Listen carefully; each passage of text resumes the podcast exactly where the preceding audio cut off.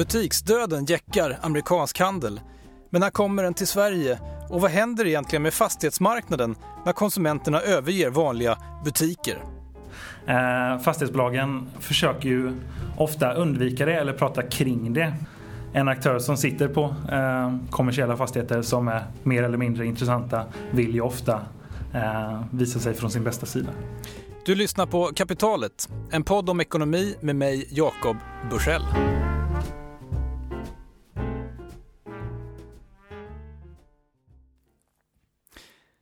Kapitalet görs i samarbete med SPP, pensionslösningar för privatpersoner och för företag.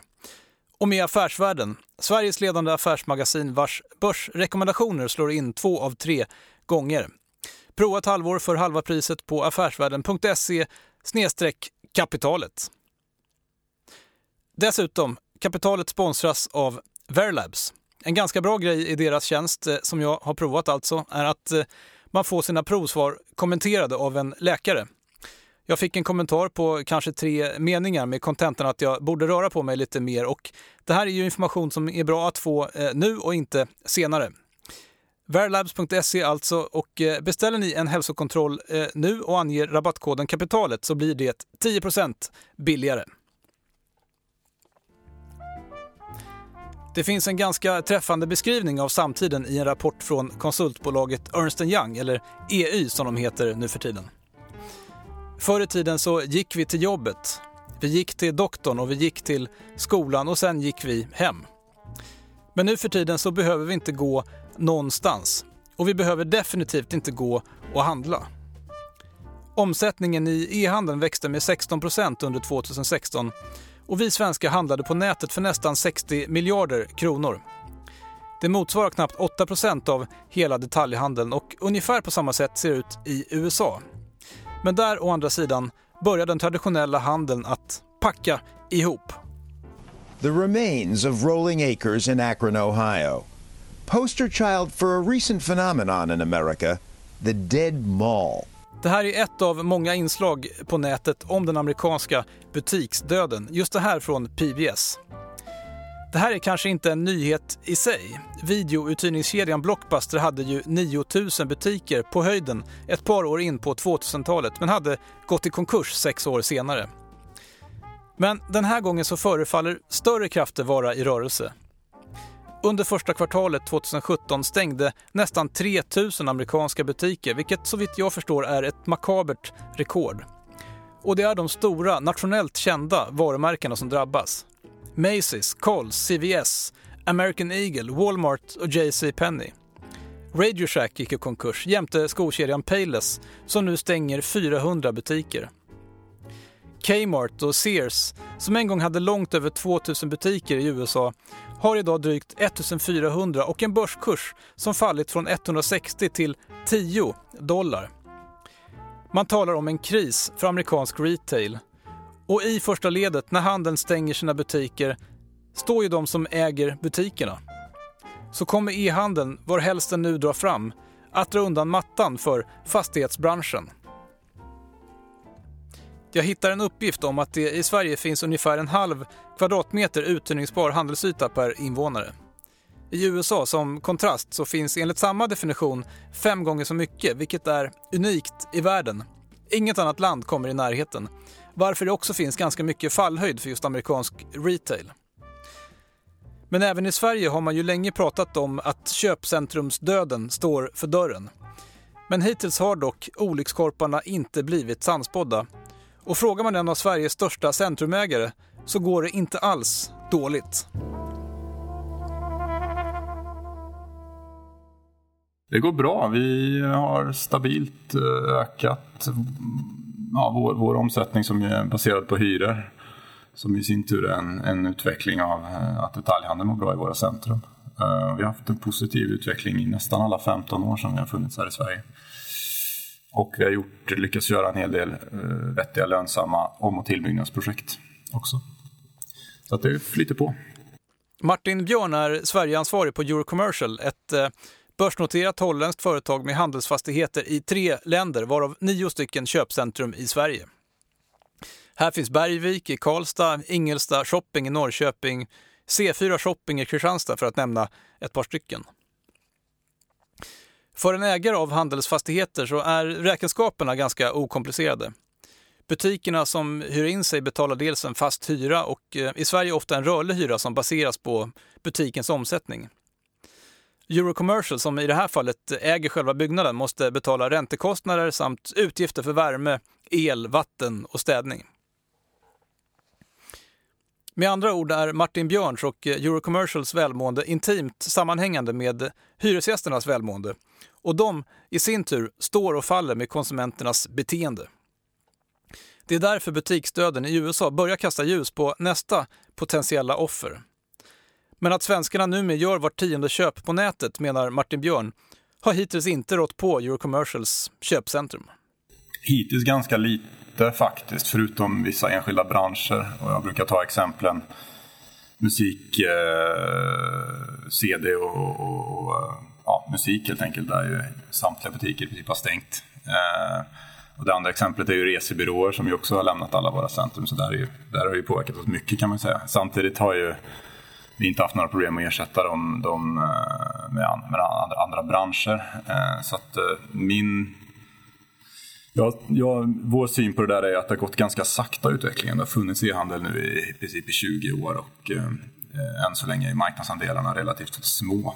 Men det, ju, det, ökar ju mer i vissa branscher nu och vi bevakar det ständigt. Men hittills har det varit väldigt liten påverkan. Martin Björn pekar bland annat på något som man kanske glömmer bort när man talar om e-handelns snabba framväxt. Och det är att värdet på den fysiska handeln, alltså butikshandeln, fortfarande växer. Vi handlar allt mer på nätet, men när omsättningen i hela handeln under förra året växte med 23,7 miljarder så tillföll två tredjedelar den traditionella butikshandeln. Och han tror inte heller att de butiker som hittills har överlevt e-handelns framväxt kommer att försvinna i första taget.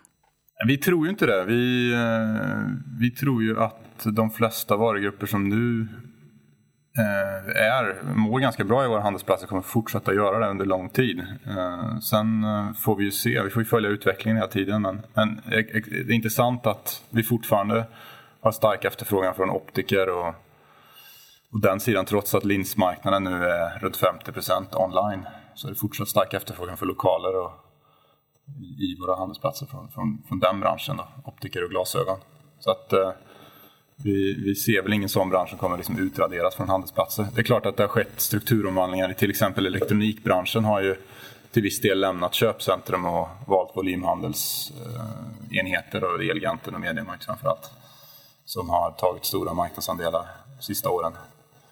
Eh, NetOnNet såklart online också. Men eh, i övrigt så ser vi nog att eh, de flesta de branscher som finns representerade idag i köpcentrum bör kunna fortsätta vara framgångsrika ett antal år till. Längre än så kan man inte säga, tycker jag. Det här var alltså Martin Björn på Eurocommercial och jag eh, beklagar det dåliga ljudet i upptagningen.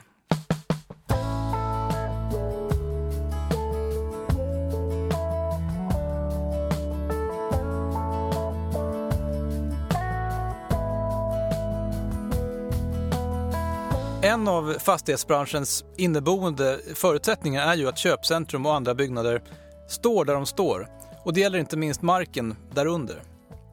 I den mån hyresgästerna får problem så handlar det helt enkelt om att hitta andra hyresgäster. Jag träffar fastighets och eh, retailanalytikern Marcus Henriksson på Remium. Han bevakar bland andra fastighetsbolaget Atrium Ljungberg, en annan betydande ägare av just handelsfastigheter. Ett bolag som också är noterat på börsen i Stockholm. Och jag frågar honom om och hur fastighetsbranschen påverkas av e-handelns framväxt och hur mycket man pratar om det här i branschen. Ehm, det är väl ett faktum att eh, de redan påverkas idag. Främst är det ju deras kunder, deras hyresgäster som påverkas. Och, och fastighetsbolagen arbetar ju frekvent med att förnya sig och vara kreativa och, och hitta nya hyresgäster och, och, nya möjligheter att hyra ut sina fastigheter. Så att allting utmynnar ju egentligen i, eh, i fastighetsutveckling. Hur man kan konvertera eh, gamla verksamheter till, till, eh, till nya verksamheter helt enkelt. Um, Atrium de är ju historiskt uh, förknippade med just handelsfastigheter, uh, köpcentrum och, och handel i allmänhet. Men det, det, är också ett faktum där att, att eh, Atrium har med det i ekvationen att, att e-handeln är på framfart. Det är i alla fall vad jag tror. Eh, ser man de senaste fyra åren så står handelsfastigheter eh, om man, om man tittar sett utifrån hyresintäkter så står det idag för drygt 42% av bolagets intäkter medan det för fyra år sedan stod för 52% Man har bland annat sålt av eh, handelsfastigheter i Västerås, i Östersund, Sollentuna och Orminge i Nacka för, för en betydande summa. En utmaning i den här frågeställningen som i alla andra frågeställningar är att det inte går att generalisera. Jag frågar Marcus Henriksson vad som kännetecknar en bra fastighet och han menar att den gamla mäklarklyschan, alltså läge, läge, läge, är lika sann idag som ja, alltid tidigare. Men Sverige är också ett avlångt och glesbefolkat land vilket gör att förutsättningarna skiljer sig dramatiskt från plats till plats. Dessutom så finns det fastighetsslag som inte alls missgynnas av e-handelns framväxt. Tvärtom. Och ett sådant exempel, menar Marcus Henriksson, är Catena som bygger logistikfastigheter. E-handeln kräver ju snabbare leveranser, kräver smartare lösningar, att man har en automationslösning i sitt, i sitt lager. Eh, vilket driver en förändring eh, när man då bygger nya eh, lagerfastigheter idag. Eh, jag personligen tror ju att eh, de bolagen eller de lagerfastigheterna som byggs om eller byggs idag med som är anpassade för e-handel eh, kommer ha en bättre hyrestillväxt än, eh, än fastigheterna som inte är anpassade för det idag. Men även om Sveriges köpcentrum och gallerior och köplador försöker parera utvecklingen genom att variera och utveckla sitt utbud så saknas det inte argument för att fastighetsbranschen står inför långt större utmaningar än vad man kanske skulle vilja inse. Ett sådant argument går ut på att e-handeln börjar nå en storlek där händelseutvecklingen kan börja accelerera. Jag träffade Magnus Kempe på konsultföretaget Kairos Future, ett företag som hjälper kunderna att försöka åtminstone förstå sig på framtiden. Man befann sig lite grann i den här förnekelsefasen. Eh, många i handeln så att säga.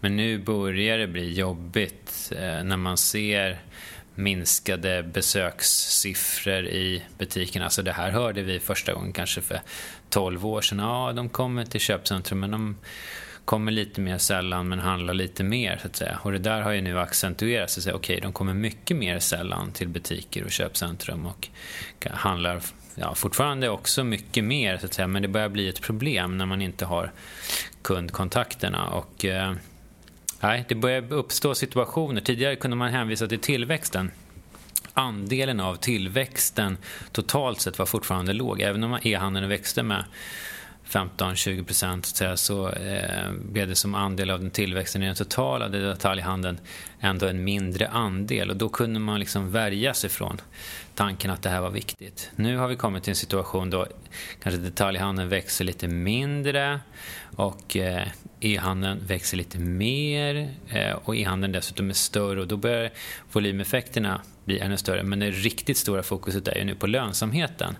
För vad som händer är att när e-handeln är 5 ja då eh, kan man lite grann stoppa huvudet i sanden. Men när e-handelsaktörer eller ja, konkurrenter generellt blir 10% av en marknad eh, då blir det högt upp på listan. Då blir det liksom topp 3, topp 4 konkurrenterna. Eh, om det är en aktör eller om det är ett marknadssegment. Och då måste du helt börja, plötsligt börja matcha och utmana din egen affärsmodell. Och då kan det helt plötsligt vara så att ja, då förlorar du hälften av lönsamheten. Och det är ganska drastiskt. Eh, och där befinner sig retail just nu. Det har gjorts eh, försök att eh, identifiera så kallade tipping points, alltså en punkt där e-handeln inom ett visst varusegment blir så stor att lönsamheten i den etablerade delen av branschen kollapsar. Det här är nu ingen vetenskap, men amerikanska L2 Research menar att en sån här gräns ligger vid runt 20 procent. Vid den punkten menar man så kollapsade lönsamheten i amerikansk bokhandel, men också inom konsumentelektronikbranschen. Men alldeles oavsett var den här gränsen går, om den nu är så tydlig, så kan det vara en dynamik i alla fall som vi bara har sett början av. För även om e-handeln i Sverige står för runt 8% av handelns omsättning överlag så är det stor skillnad från bransch till bransch. Inom just konsumentelektronik så omsätts 25% på nätet. Kläder och skor 14 Bygghandel 9% Sport och fritid 9% Så kanske är det just handeln med kläder och skor som står inför störst förändring i närtid. Och det är inte heller en utveckling som är så enkel att bemöta för de etablerade aktörerna, menar Magnus Kempe. Jag tycker Walmart är ett väldigt intressant exempel. Walmart versus Amazon. Walmart omsätter idag liksom fyra gånger vad Amazon omsätter. De omsätter långt mer än Sveriges BNP. De tjänar fortfarande över 100 miljarder svenska kronor om året i vinst. Eh, och de betraktas som ja, i praktiken utdöda. De har en, det är en anakronism, det är en gammal affärsmodell, de är helt förlorade. Eh, och hjälten är, är Amazon som knappt tjänar några pengar och omsätter en fjärdedel så mycket pengar. Jag tycker det är nyttigt att ställa sig frågan, när skulle du, som, om du hade varit VD och du får sitta så här och postgessa, det vill säga du får liksom ha en strategi i efterhand när du vet hur verkligheten blev. När skulle du ha slutat som Walmart med din affärsmodell och istället börja utmana Amazons? För om du hade gjort det för fem år sedan, ja, då hade du alltså tackat nej till 750 miljarder i vinst. Eh, och så hade du liksom förstört din egen affärsmodell eh, och, ja, och haft allmänt stora problem. Det är inte ett lätt beslut. Eh, så det, det, är en väldigt spännande dynamik som kommer nu till handeln när segment efter segment utmanas av aktörer som helt enkelt är nya, som inte har någon befintlig lönsamhet som de behöver värna, inte någon befintlig affärsmodell eller så. Så de nöjer sig helt enkelt med att tjäna väldigt lite pengar och fokuserar väldigt mycket på tillväxt och får fortfarande in mycket kapital. I den här utvecklingen så finns också något av en X-faktor kanske man ska kalla det. För vi betraktar nog e-handeln som ganska etablerad i dagsläget. Men även om den har ätit sig in i nästan alla stora varusegment så finns det faktiskt en bransch som inte är särskilt påverkad. Och det är dagligvaruhandeln. Och vad händer den dag som vi inte längre vill gå till ICA för att handla? Det här är Karin Blom, e-handelsanalytiker på Postnord. Ja, och jag tror att det, det, det handlar snarare om, kanske inte i, i någon, någon siffra, utan snarare i beteendet just när vi börjar handla livsmedel i större utsträckning. För nu idag så är ju den marginell på nätet och eh, kanske en av de sista produktkategorierna som man, ja, man börjar handla på nätet. Så när vi väl får in det beteendet att vi ändrar våra vanor så, och börjar handla allt mer livsmedel på nätet då tror jag att det kommer påverka även andra branscher. Att vi handlar mer även bland ja, kläder, skor, elektronik, vad det nu kan vara som eh, redan finns på nätet. Så där tror jag att vi kommer få se någon, snarare någon tipping point att eh, det kommer dramatiskt förändra våra vanor just bland andra branscher också. Det kommer bli naturligt att hänga på det då. Vad är det som driver, tror man, kundernas beteende inom just eh, livsmedelshandeln? Ja, eh, dels de undersökningar som vi gör och även andra så är eh, framför allt bekvämligheten och tidspressen. Den största konsumentgruppen som handlar livsmedel på nätet är småbarnsföräldrar i storstäder. Och eh, där är det väldigt tidigt just att kunna handla på tider som passar en själv när kanske barnen har gått och lagt sig. Eh, då passar man på att handla mm, vecko, eh, veckosedeln eller vad det nu kan vara. Och sen så tror jag att i takt med att den yngre generationen som kanske då har fått uppleva att föräldrarna handlar på nätet, de kommer ju i, när de kommer ut i arbetslivet och så vidare, börjar tjäna pengar och själv ska börja handla livsmedel så kommer de verkligen ta med sig det beteendet och anamma det. Så där kommer vi ju se ytterligare en köpkraftsinjektion för näthandeln. Men just eh, bekvämlighet är bara en faktor som driver e-handeln. Ännu viktigare eh, av tradition är pris. Hittills har kanske inte näthandlarna med just mat utmärkt sig för överdrivet låga priser. Men även det här kan vara en tidsfråga enligt Magnus Kempe på Kairos Future. Så här säger han om en intervju som han nyligen gjorde med marknadsdirektören på Norgesgruppen, alltså Norges största dagligvaruföretag. Eh, och eh, då säger han att ja, inom 5-10 år då kanske vi har kommit till the tipping point när lågpris är eh, näthandel även för dagligvaror. Och Det kommer innebära ett väldigt stort skifte. Då. Det kan ju komma tidigare än när affärsmodellen är, faktiskt är lågpris. Därför att de nya aktörerna väljer att fokusera på tillväxt, ungefär som Amazon gör i relation till Walmart. Eh, och Det kan ju sätta sina spår i konsumentbeteenden eh, och mental omställning. så att säga. Att, okay, varför ska jag gå till butik om jag vet att det är dyrare? Ja, det är bara om jag inte förstår vad jag ska köpa eller om jag vill träffa någon annan där. Eller så. Det, det kommer bli det kommer bli en stor utmaning när, när, liksom, när den tipping pointen inträffar. Men då, då menar du alltså eh, matbutikerna, mathandeln?